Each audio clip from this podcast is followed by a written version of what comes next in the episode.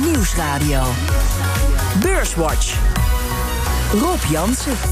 Welkom bij Beurswatch, het beleggingsprogramma op de Nederlandse radio met Josse Steeg van Insinger Gillissen en Joost van Leenders van Campen Capital Management. Welkom. Nou, zo erg uh, als het vorige week was uh, voor de AEX, uh, was deze week niet, maar wel een verlies op weekbasis. Coronavirus beheerste natuurlijk weer de headlines. Bange tijden voor beleggers. Um, Joost, voorlopig blijft die volatiliteit nog wel hoog. Wat denk je? Ja, ja, ik denk het wel. Kijk, het, is natuurlijk, het, probleem is natuurlijk dat er, dat er uh, een impact is van het virus. waar we eigenlijk als beleggers allemaal niks van af weten. En, mm. en zelfs de virologen het moeilijk vinden om daar eigenlijk iets over te voorspellen. Dus uh, je, als, als je handelt, als je op basis daarvan handelt, handel je eigenlijk op basis van iets wat je niet weet. Ja. Dus je ziet de nervositeit heel hoog. Hè, als het, de, de, de, de, nou ja, die dagen van plus en 4, min 4, min 4 en plus 4 procent uh, wisselen elkaar af. Ja. Um, ja, dus als het even stabiliseert, denk ik, nou, misschien is het ergste voorbij. Um, dus ja, zolang we dat niet weten, blijft die volatiliteit wel. Ja. Zie je ook nog geen bodem of, of, of zekerheid ergens? Nee, het is nog heel moeilijk te voorspellen hoe de bedrijfswinsten zich bijvoorbeeld uh, ontwikkelen. Welke bedrijven er dicht gaan. Je weet helemaal niks. Dus het is uh, heel, heel speculatief. En dat is een probleem. Het was de week waarin maritiem dienstverlener Boskalis de boeken opende. Met natuurlijk de vraag aan topman Peter Berdowski hoe het coronavirus Boskalis raakt. Het valt nu nog mee. Het zit bij ons meer in het logistieke ongemak. Laat niet onverlet natuurlijk dat uh, mocht, het, uh, mocht de crisis veel dieper worden, ja, dat uiteindelijk straalt dat op uh, een totale wereldeconomie af. En dan zullen wij het indirecter mogelijk ook gaan voelen. De angst voor problemen bij ontwikkelingslanden als gevolg van het virus dwingt het IMF tot maatregelen. We have about 50 billion dollars that are available to low income countries and to emerging market economies uh, that can get access to, to this money without a program with the fund. In other words, immediately. En het IMF kwam over de brug nadat eerder de Amerikaanse centrale bank in actie kwam. Fed-president Jerome Powell. The Federal Open Market Committee announced a one-half percentage point reduction in the target range for the federal funds rate, bringing that range to one to one and a quarter percent. My colleagues and I took this action to help the U.S. economy keep strong in the face of new risks to the economic outlook. Ja, Jerome Powell was dat met de aankondiging dus dat die rente een half procent is verlaagd. Outlook voor de economie ziet er misschien iets minder florisant uit als gevolg van dat coronavirus. Dat weten we nog niet, de precieze impact. De markt veerde toen eh, eventjes eh, op, Joost, eh, om daarna weer in te zakken. Was dit nou een verstandige maatregel? Want er wordt nogal over gedebatteerd. Ja, kijk, als je het, als je het heel sterk beschouwt, dan kun je zeggen... er, zijn, er waren op dat moment iets meer dan 100 mensen ziek... en dan ga je tussentijds 50 basispunten verlagen. Ja. Dus dat is, dat is nogal wat. Um, de, de Fed weet ook dat dit niet direct helpt om de economie te stimuleren. He, als mensen thuis zitten omdat ze, omdat ze vanwege corona niet kunnen werken, dan helpt de renteverlaging er niks aan.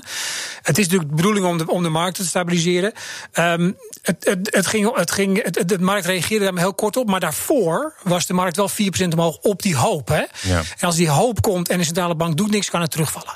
Ik denk wat de Fed hier als, als boodschap geeft: we staan klaar, we staan klaar om een liquiditeitscrisis te voorkomen. Uh, we staan klaar om banken te helpen als dat nodig is. En ze geven ook nog eens de ruimte aan een hele range opkomende markten, waar die rente ook verlaagd wordt, om dat ook te doen. Ja. Dus het is veel, het is agressief. Maar uh, uh, ik, ik, ik vind ook dat de Fed een, misschien een beetje zijn oren naar de markt laat hangen. Um, maar je kan ook wel zeggen dat de omstandigheden, de omstandigheden misschien een beetje toegedwongen was. Ja, wat denk jij, Jos? Nou, ik vind het niet de oren naar de markt hangen. Ik vond het uh, wel een heel wijs besluit. Uh, ze hebben het ook heel duidelijk toegelicht. Eigenlijk één, we moeten het vertrouwen zorgen dat dat sterk blijft. Want het, de, de, het grappige was, de Amerikaanse economie ging vrij sterk het jaar in. Hè. Als je kijkt naar de ISM-index, inkoopmanagersindex, de ISM die lag hartstikke sterk, ergens uh, boven de 55. Hm. Het tweede was de financiële condities, die verslechterden natuurlijk, omdat de beurzen zo naar beneden gingen.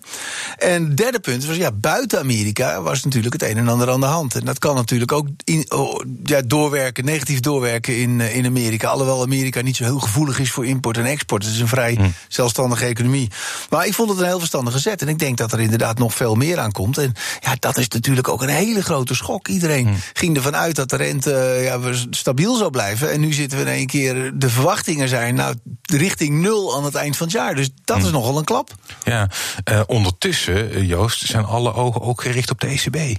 Ja, nou, daar zijn ze natuurlijk wat terughoudender, omdat ze ook simpelweg uh, niet zoveel meer kunnen doen. Nee. He, dus die rente die is al uh, fors negatief, min 0,5. Er zou nog 10 basispunten vanaf kunnen, ja, misschien ook wel wat meer. Uh, ik denk wat je Wat je daar misschien eerder zou zien is een, uh, is een uitbreiding van het, opkoop, het obligatieopkoopprogramma. Hm. En dan misschien ook nog weer wat meer gericht op, uh, op bedrijfsobligaties. Uh, maar op zich ja, is het. Is het de Fed zijn natuurlijk ook niet zoveel van tevoren. Hè. Die heeft ook niet van tevoren heel snel geroepen van we staan klaar. Hm toen dat kwam, de, de, de G7 kwam eigenlijk met, die, met dat communiqué van we gaan wat doen. En toen is de vet er meteen achteraan gekomen. Ja, de ECB, de mogelijkheden zijn, zijn gewoon, zeker aan de rentekant, wat kleiner. Mm. Dus ja. vandaar denk ik dat ze wat afwachten zijn. Ik, ik, denk dat Lagarde, mevrouw Lagarde heel duidelijk zal zeggen van jongens, wij zijn min of meer uitgespeeld. Mm. En politiek moeten jullie wat doen. En het mooie was, de Duitse minister van Defensie heeft daar ook een beetje op gezinspeeld. Hè. Duitsland had altijd die zwarte nul, geen begrotingstekort. En dan hebben ze nu gezegd van nou ja, daar willen we wel wat aan tornen. Wij willen ook wel wat meer gaan stimuleren. Hmm. En daar zal het echt vandaan moeten komen. Hmm. Joost heeft het volledig gelijk. Maar daar zie je wel meer initiatieven. Hè? Je hebt het in Hongkong gezien, Singapore of, of uh, Korea heeft een behoorlijk uh, pakket, uh, Zuid-Korea een behoorlijk pakket aangekondigd. Ik denk, wat centrale banken natuurlijk, ze moeten die liquiditeit natuurlijk dus, dus, dus garanderen. Hè? Dus het zou best kunnen dat, dat de ECB bijvoorbeeld, die hebben de mogelijkheid om leningen, hè, om goedkope leningen of zelfs gratis leningen aan het bankwezen te geven, dat echt die liquiditeit voldoende is. Hmm. Dat banken, want er was een, een bericht van een grote Italiaanse bank. Die zeiden van ja, als bedrijven in betalingsproblemen komen met hun leningen, dan zijn we wel bereid om dat een beetje uit te stellen. Dat kan een bank natuurlijk doen, maar dan moet hij wel zelf die liquiditeit ergens hebben. Ja. Dus als die, die lender of large last resort functie van centrale bank zorgen dat banken genoeg liquiditeit hebben en eventueel het problemen bij, uh, bij bedrijven wat kunnen doorschuiven, mm. dat dat natuurlijk heel belangrijk is. En dat kan de ECB wel doen. Ja, we zagen vandaag ook in alle tumult een banenrapport, uh, Jos, uit Amerika. Uh, eh, 273 banen erbij, verwachting was 175.000. Werkloosheidspercentage 3,5% Is dit het orkestje op de Titanic en dadelijk zinken we toch? Of is dit... Uh, of, nee, of, het, ik zei net van de, de Amerikaanse economie was eigenlijk behoorlijk aan het herstellen al mm. aan het begin van het jaar. Dus dat is denk ik wel een positief punt. Dat, dat, dat we vrij, met een vrij goed momentum de problemen ingingen. Denk jij dat ook? Uh, ja, ja, kijk, dat is, dat is inderdaad dat banenrapport in de VS. En uh, uh, Jos noemde net ook die, die, die producentenvertrouwen in de dienstensector, wat naar de 57 ging. Nou, dat zijn prima. Dat, dat banenrapport is ook een prima cijfer. Hè? Hm. Werkgelegenheid, wat een beetje loongroei, niet te veel, niet te weinig. Prima. wat Rutte net zei, de, de Nederlandse economie. Dus inderdaad, je zag dat momentum in de wereldeconomie zag je verbeteren. Die, die handelsoorlog was wat minder, de brexit was weg.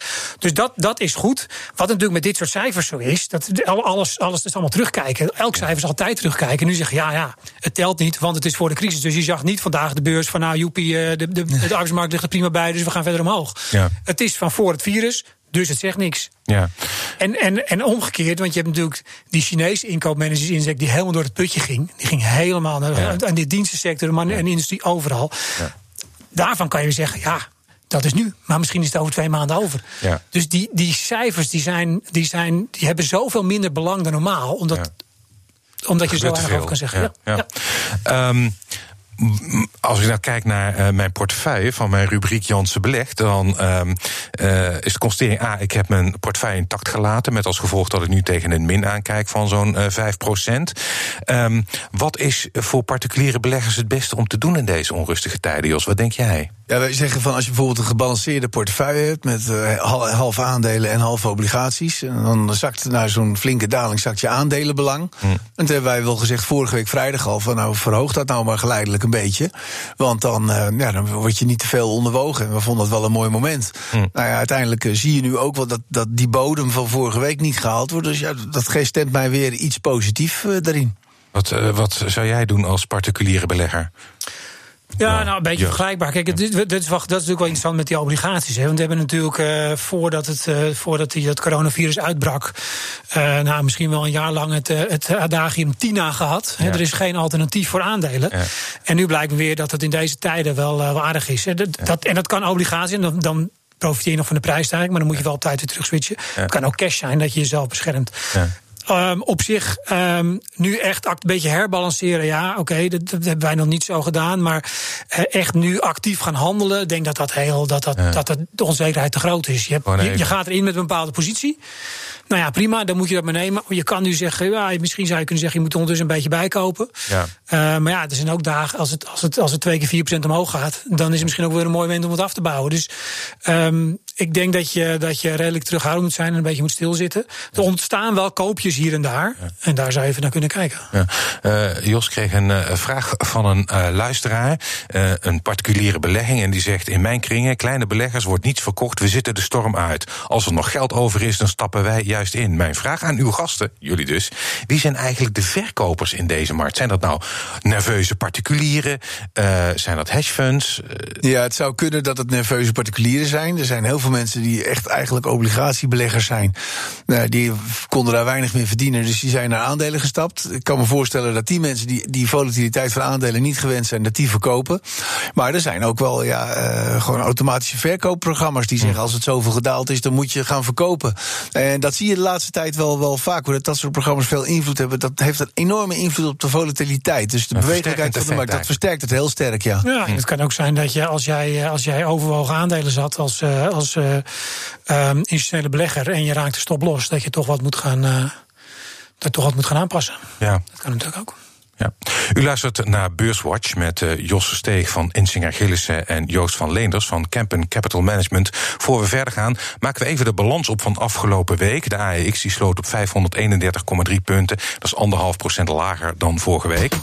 Stijgers. Op 1. Ahold Delhaize uh, kreeg er deze week 6,9% bij. Op 2 DSM met een plus van 4,9%.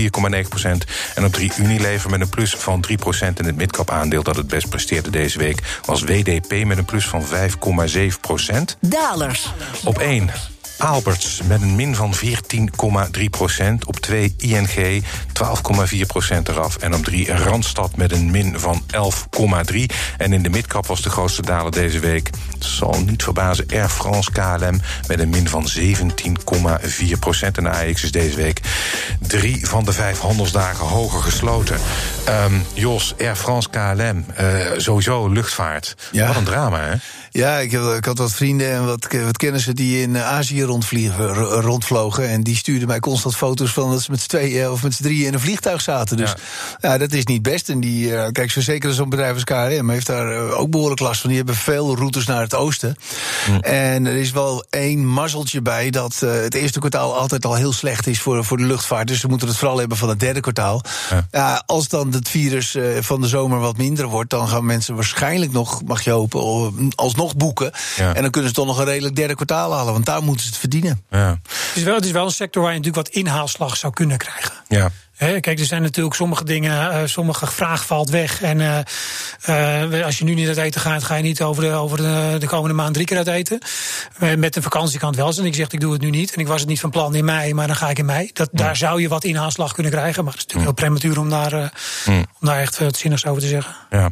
Nou, ze hebben natuurlijk de luchtvaartmaatschappij wel het voordeel dat de olieprijs zo gedaald is. Ja. Dus nou, dat, je, dat scheelt veel hoor. Je maakt een mooi bruggetje, Jos. nou, je ziet natuurlijk wel een heel verschil. Hè? Want die, bedoel, die, die, die luchtvaartmaatschappij in Engeland die die, die was al zwak. Ja. Uh, maar we zien ook wel sommige luchtvaartmaatschappijen die, die ook, uh, waar, ook, waar je ook forse koersverliezen ziet. Natuurlijk logisch, de omzet valt weg, maar die, die, uh, die gewoon heel voorzichtig gefinancierd zijn. Ja. ja, dan kan je het wel wat langer uitzingen. Dus dat, dat, dat geldt natuurlijk wel dat je als, als belegger moet kijken van wat wordt er ingeprijsd qua omzetverlies. Hoe zijn bedrijven gefinancierd? Kunnen ze het uitzingen? Kunnen ze een tijdje uitzingen of niet? Dus daar zie je wel wat verschillen in hoor. Ja, um, ja die olieprijs dat uh, werkte uh, in hun voordeel. Uh, ik denk niet dat het voor de luchtvaartmaatschappijen opweegt tegen de lagere, lagere boekingen. Maar die olieprijs um, komt niet echt zonnig nieuws. Althans voor de producenten. Hè. Om de prijs te stutten wil de OPEC met steun van Rusland de productie beperken. Dat is vandaag mislukt. Met als gevolg dat de olieprijs verder is weggezakt. Jos. Um, ik geloof bijna 9 procent. Ja, dat is schrikbarend. Ja, het is echt, heel hard onderuit gegaan. Ja. Dus olieaandelen ja, het is, daar wordt wel een heel gevaarlijk spelletje gespeeld. Twee ja. uh, behoorlijk grote ego's die hier echt niet in de studio zouden passen. Ja. Mohammed bin Salman en uh, uh, Vladimir Poetin. Die, die vechten tegen elkaar. OPEC die wil graag anderhalf miljoen vaten reductie hebben. Bovenop die 2,1 dacht ik uit mijn hoofd die er al is. Ja. En OPEC heeft gezegd, nou die, die miljoen die, die doen wij wel. En dan neemt Saudi-Arabië het grootste deel voor zich. Als die Russen dan een half miljoen vaten nemen. En de Russen hebben gezegd, nou dat doen we eigenlijk niet. Niet. En toen heeft Saudi-Arabië gedreigd van als jullie niet doen, dan gooien wij, gooien wij de kraan open. En dan heb je dus het risico dat je weer onder de 30 dollar komt. Dus Ja. er wordt echt een heel zwaar spel gespeeld.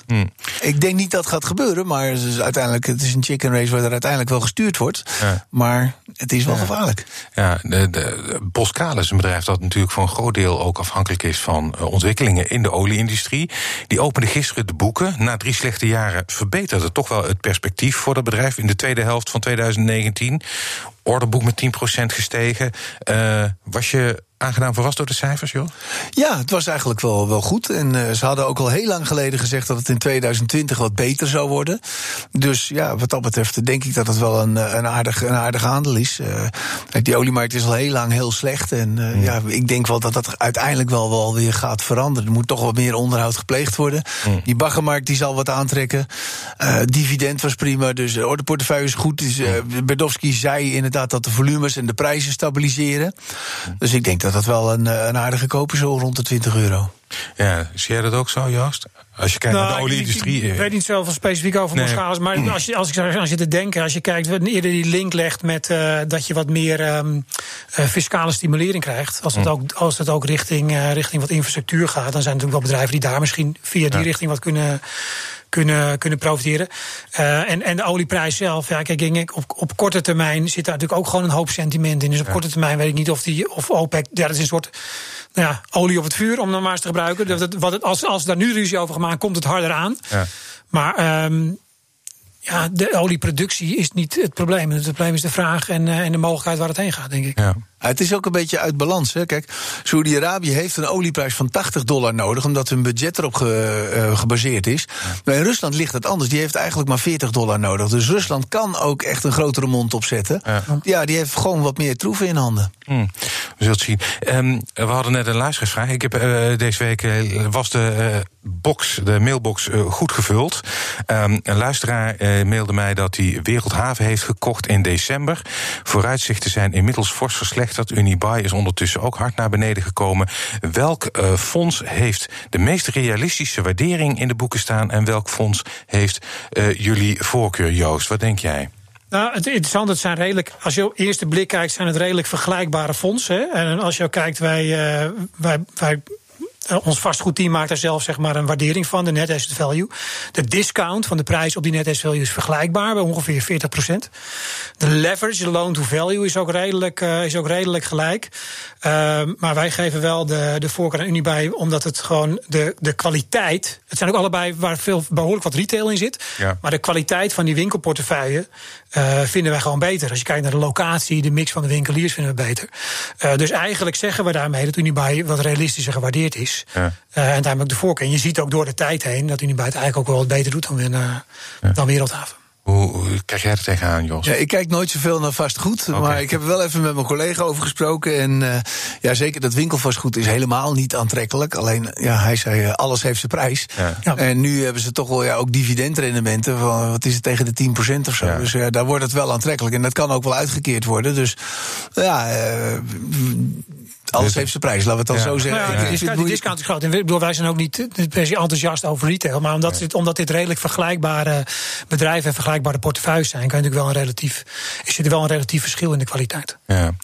Um, we zijn alweer bijna aan het einde van de uitzending. En dat betekent dat jullie de luisteraar kunnen verrassen uh, met een kooptip. En uh, Jos. Um, in deze moeilijke tijden, wat zou jij uh, beleggers op dit moment uh, adviseren? Nou, laat ik er heel open over zijn. Ik heb vorige week Microsoft gekocht. Ja. Ik denk dat dat een heel mooi, heel mooi aandeel is. zij kunnen profiteren, van die sterke groei van cloud computing. Hè. Die, is, Ja. die markt die kan in de komende paar jaar verdubbelen nog. Ze hebben een hele sterke positie erin. Ze zitten al in die netwerken. Ze hebben een winstwaarschuwing gegeven op de hardwarekant. Hè. Dus de, die, die laptops die ze verkopen en de Xbox. Daar hadden ze maar 3% groei verwacht. Dus daar zit de pijn niet. Nee, het hardste groei is in de cloud. Dat, Hmm. dat groeit met eh, ongeveer 20%. En Office groeit ook nog met 10, 15%. Dus ik denk dat dat een bedrijf is dat in de komende jaren enorm kan profiteren van die sterke groei van cloud computing. En Ja. zeker nu met die virussen gaan Ja. meer mensen thuiswerken, dus er komt ook nog wat meer aandacht aan. Ja, ik denk want- dat dat een mooie koop is. Oké, want je hebt natuurlijk ook Amazon en Google zijn ook bezig uh, in die cloud. Maar jij zegt, uh, voor jou heeft dus. Uh, Ja, Microsoft heeft eigenlijk de voorkeur. Ik vind ze alle drie heel aantrekkelijk. En ja, Amazon heb ik ook gekocht. Dus dat is ook. Oké. Joost, jouw tip voor de luisteraar? Nou ja, kijk, als je algemeen kijkt naar beleggen, op dit moment hebben we het eigenlijk al eerder over gehad. Hè, Dat als je nu niet gehandeld hebt, dan is het, uh, dan is het misschien best uh, om, om maar niks te doen vanwege de onzekerheid. Ik denk wel dat je, dat je klaar moet staan om te handelen, ook, ook om te kopen. En als je kijkt naar bedrijven, dan heb ik niet specifieke namen, maar we, we, ik sprak met, uh, met ons, de beheerder van ons small cap fund. Die zei ook van ja, er zijn gewoon bedrijven waar de prijs nu zodanig is. Dat worden, er worden enorme omzetdalingen inge, ingeprijsd. Of zo'n bedrijf eraan aan onderdoor gaat. En als je dan een bedrijf hebt wat niet te scherp gefinancierd is en het uit kan zingen, mm -hmm. dan ontstaan staan daar wel, uh, wel koopjes. Ja, ja. Dus zonder uh, uh, individuele fondsen te noemen, zeg jij small caps die nu flink zijn afgekomen qua prijs. En die, en die degelijk gefinancierd zijn, daar zijn mogelijkheden. Mag ik er nog één ingooien, Rob? Jazeker. Nou, wat ik het mooiste vind is Galapagos. Die is ja. zo afgestraft. En die heeft helemaal niets met het virus te maken. Echt nee. helemaal niets. En dat nee. is echt zo onder de 200 is dat echt een hele mooie koop. Dus nog de laatste keer dat de trein langskomt, ik zou zeggen, dan moet je nog instappen. Oké. Okay. Ja. Galapagos en Microsoft en mooi geprijsde small caps. Um, hartelijk dank, um, Jos Versteeg van Insinger Gillissen en Joost uh, uh, van Leenders van Kempen Capital Management. Dit was BNR Beurswatch. Als u wilt reageren, dan kunt u een mail sturen naar beurswatch.bnr.nl of tweeten naar Rob Beurs. Terugluisteren, dat kan ook via de site, de BNR-app, de Apple Podcast-app of Spotify. En graag tot volgende week.